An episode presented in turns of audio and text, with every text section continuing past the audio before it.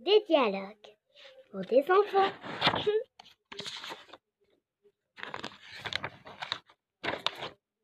Les enfants, ce dialogue, c'est pour les jours que vous n'étiez pas à l'école. Alors, j'ai décidé de faire des histoires et des dialogues. Le titre de ce dialogue d'aujourd'hui est Max et son chat. Max veut aller à l'école avec son chat Pistache. Papa dit Non, Pistache n'ira pas en classe. Max lui répond Pourquoi papa Pistache n'ira pas en classe? Le papa de Max lui dit Car les chats sont interdits en classe. Ils peuvent faire pipi en classe et vous pouvez tomber et ça va faire vraiment mal.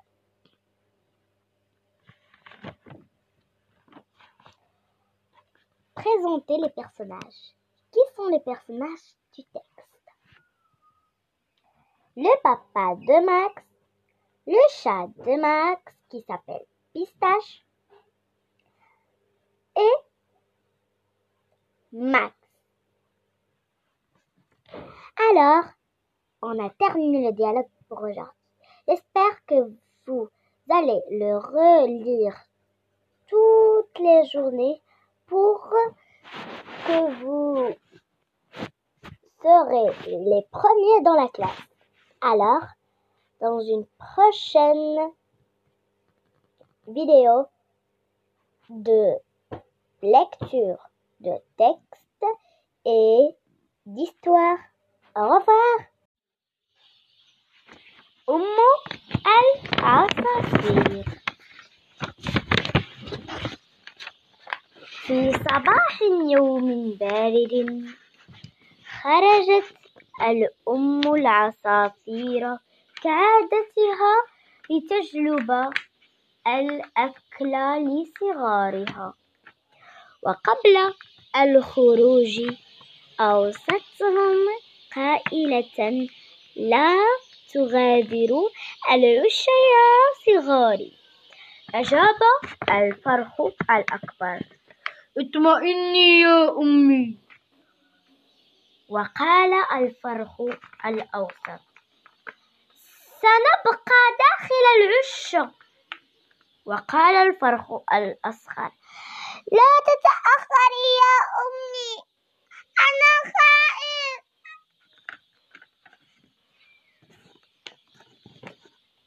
حلقت الأم العصافير بعيدا فوق الجبال وبين الحقول وبقيت العصافير داخل العش. وبعد ساعة سمعوا صوتا يناديهم في أسفل الشجرة. صباح الخير. أصدقائي. أخرج الصغار أعنقهم وأخذوا يطلون. قال الفرخ الأكبر. من أنت؟ وقال الفرخ الأوسط. نحن لا نعرفك وصرخ الفرخ الأصغر. أمي! أمي! يا غير موجودة. أنا خائف. أنا خائف. وقف الثعلب الماكر تحت الشجرة. وقال وهو يبتسم لا تخ... لا تخافوا يا صغاري.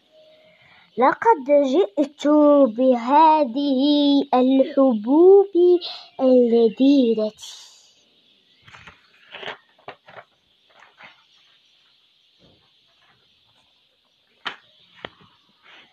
رد عليه الفرخ الأكبر. أنا عرفتك الآن. أنت الثعلب الماكر. لقد حذرتنا أمي منك.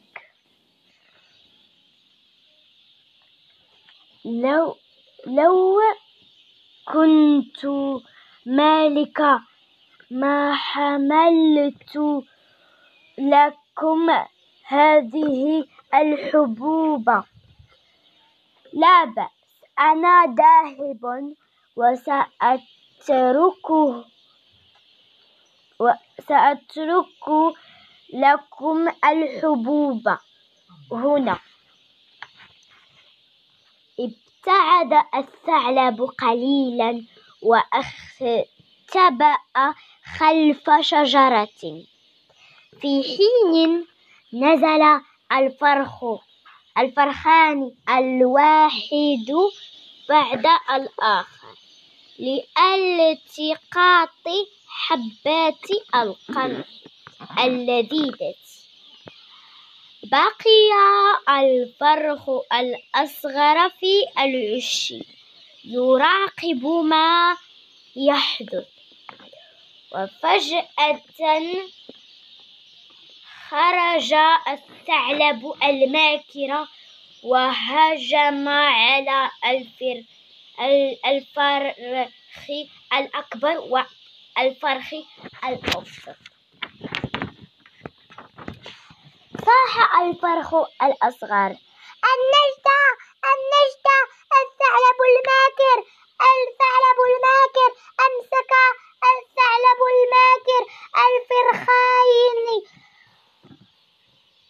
وحين وحين أراد الهرب بهما ظهرت أم العصافير في سماء في السماء. لقد سمعت صوت صغيرها وأقبلت مسارعة. نزلت الأم فوقع رأس الثعلب الماكر وخادت تنقره بمنقارها القوي على رأسي. حتى ألقى الفرخين على الأرض وهرب فزيعا من شدة الألم. أو ختف بين الأشجار.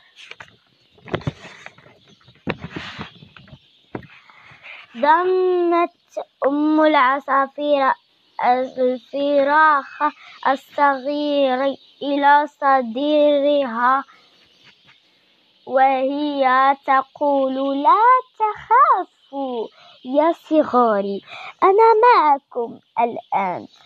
قال الفرخ الأكبر. أعتذر يا أمي.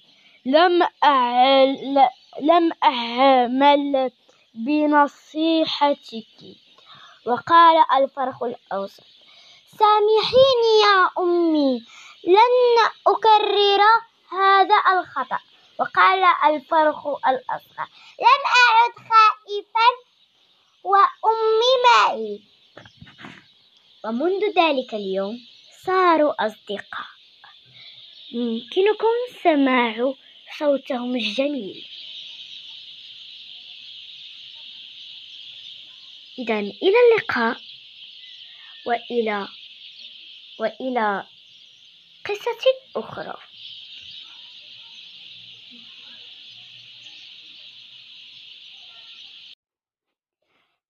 Bonjour les amis, vous vous rappelez de la dernière du dernier texte de Max et son chat? Pistache. Alors aujourd'hui, je vais vous faire le texte de son ami Jules, de l'ami de Max qui s'appelle Jules. Alors, je vais vous lire le texte et j'aimerais que vous le lisez à votre maison. Alors, on commence. Maman, laisse-moi dormir, dit Jules. Mais, badaboum, il se retourne du lit et tombe du lit. Ah, pourquoi mes matins sont comme ça? répond Jules. Maman répond.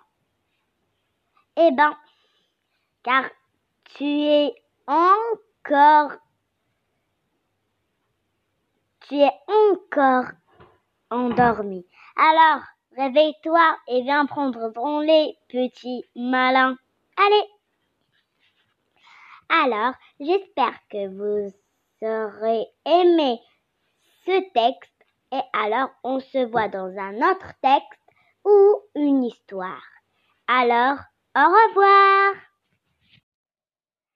Le plus bel endroit du monde. Mira vit dans une très grande ville où les immeubles montent très haut dans le ciel et où les cheminées des usines crachent des passes fumées noires. Dans la ville de Mira, il y a beaucoup de gris. Le sol est gris, les murs sont gris, le ciel est gris. Dans la ville de Mira, il y a aussi beaucoup de magazines avec de belles vitrines comme les magasins de jouets et des pâtisseries. Alors, quand elle se balade sur le trottoir avec sa maman, Mira se dit J'aime beaucoup ma ville avec sa robe grise. C'est une plus belle endroit du monde.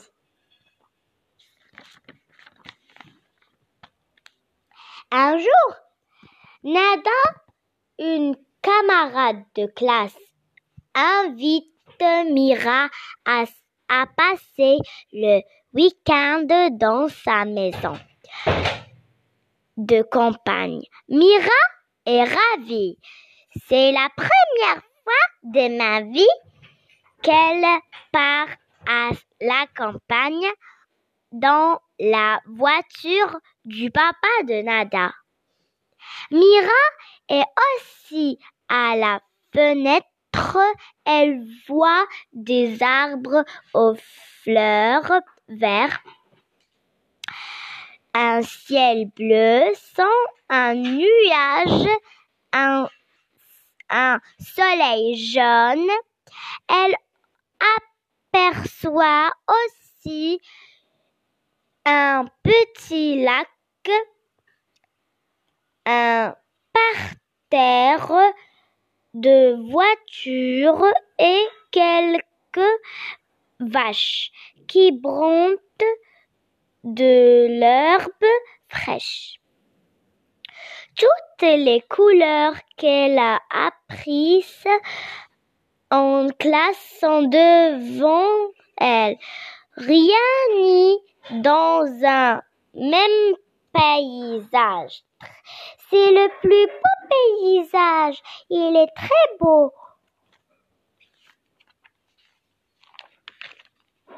Mira se demanda alors pourquoi sa ville est devenue toute grise et comment elle a perdu toutes ses couleurs.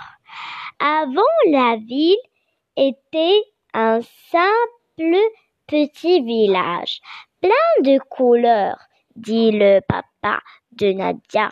Mais la le village a grandi. On a coupé les arbres pour construire des immeubles. On a enlevé les fleurs pour faire des trottoirs. On a déplacé les animaux pour créer des usines. Que c'est triste, pensa Mira, tout comme fait, fait. Ma ville n'est peut-être pas le plus bel endroit du monde.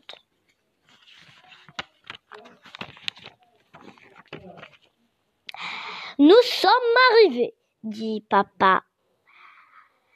Un chapeau de paille sur la tête. Grand-père et là pour accueillir les deux fleurs. Bonjour les filles, vous allez m'aider à, planter des tomates. Mais je ne sais pas planter des tomates, moi, dit Mira. Je vais te montrer, dit grand-père. C'est facile.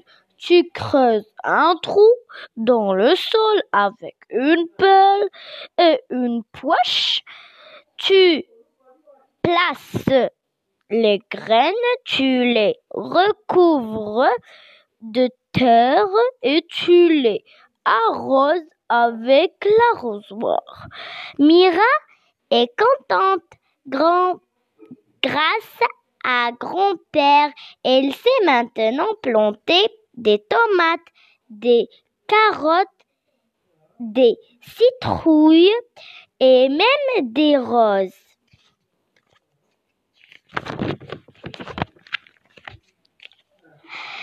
Si j'avais un jardin dans ma maison, je planterais toutes les plantes de la, terre, dit Mira.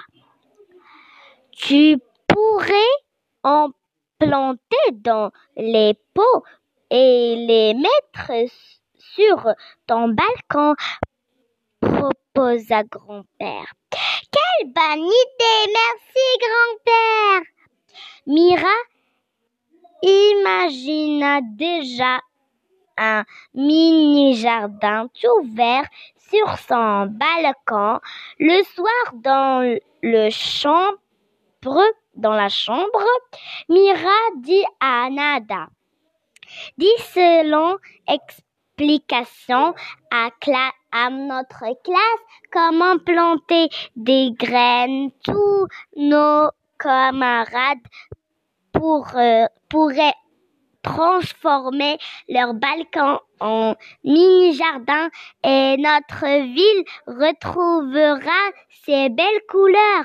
Nadia est d'accord. Les deux amis s'endorment alors profondément.